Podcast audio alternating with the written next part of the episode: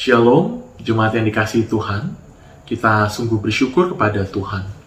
Meskipun pandemi belum berlalu, namun kasih, penyertaan, berkat-berkat Tuhan selalu nyata di dalam kehidupan kita. Hari ini pun Tuhan sekali lagi menyatakan berkatnya melalui kebenaran firman Tuhan yang akan mengingatkan kita bagaimana kita sebagai anak Tuhan harus hidup di dalam Kristus. Firman Tuhan hari ini terambil dari Galatia pasal yang kedua ayat yang ke-20 demikian bunyi firman Tuhan. Namun aku hidup tetapi bukan lagi aku sendiri yang hidup melainkan Kristus yang hidup di dalam aku. Dan hidupku yang kuhidupi sekarang di dalam daging adalah hidup oleh iman dalam anak Allah yang telah mengasihi aku dan menyerahkan dirinya untuk aku. Jemaat yang dikasih Tuhan ada sebuah cerita fabel atau cerita dongeng yang mengisahkan tentang seekor tikus yang ketakutan ketika dia melihat seekor kucing. Tikus itu kemudian mendatangi seorang petapa dan bermohon agar dia diubah menjadi seekor kucing. Kemudian ia kembali kepada petapa itu ketika ia merasa ketakutan melihat seekor anjing dan bermohon untuk diubah menjadi seekor anjing. Tak berapa lama kemudian, ia kembali kepada petapa itu dan mengatakan bahwa dia ketakutan ketika ia melihat seekor singa. Kemudian petapa itu sekali lagi menolong tikus itu untuk diubah menjadi seekor singa. Tak berapa lama, Singa itu kembali kepada petapa itu karena ia ketakutan melihat seorang pemburu.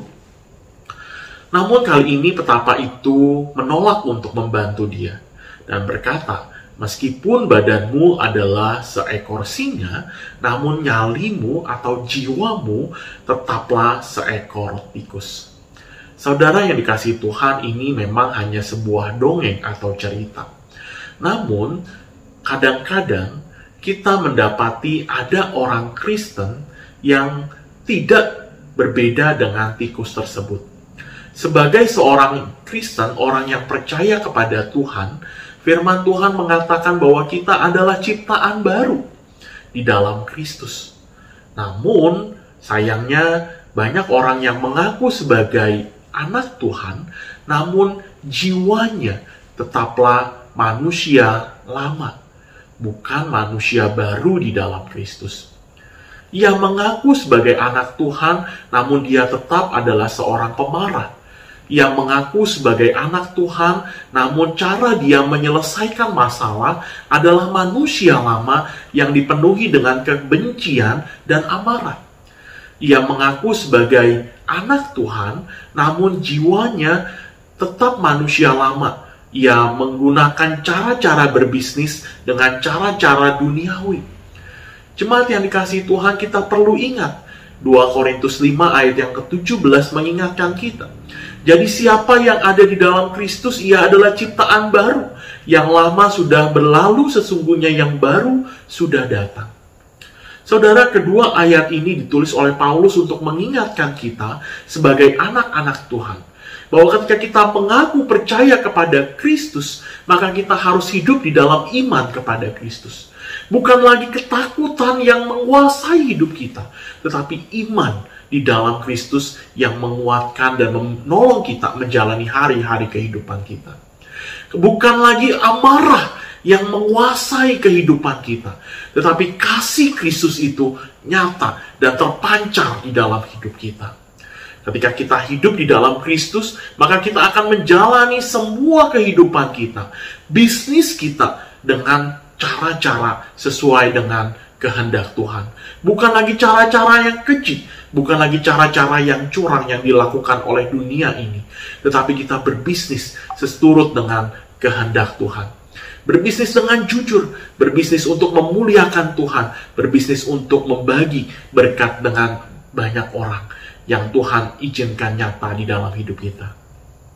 Jemaat yang dikasih Tuhan, seandainya kita hidup di dalam Kristus, maka yang ada di dalam hidup kita bukan lagi keinginan kita yang menguasai kita, tetapi Kristuslah yang menguasai kita.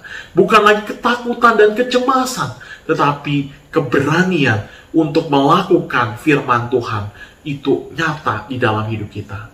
Jemaat yang dikasih Tuhan ketika kita hidup seturut dengan apa yang Tuhan mau.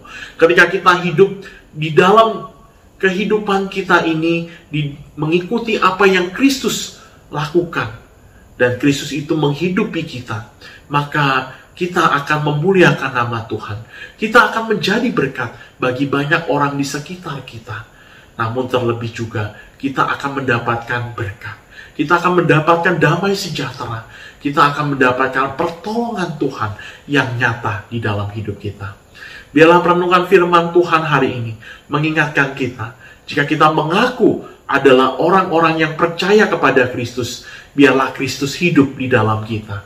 Dan kita hanya melakukan apa yang Tuhan mau. Dan kita akan terus merasakan penyertaan Tuhan dan anugerah Tuhan yang nyata dalam hidup kita.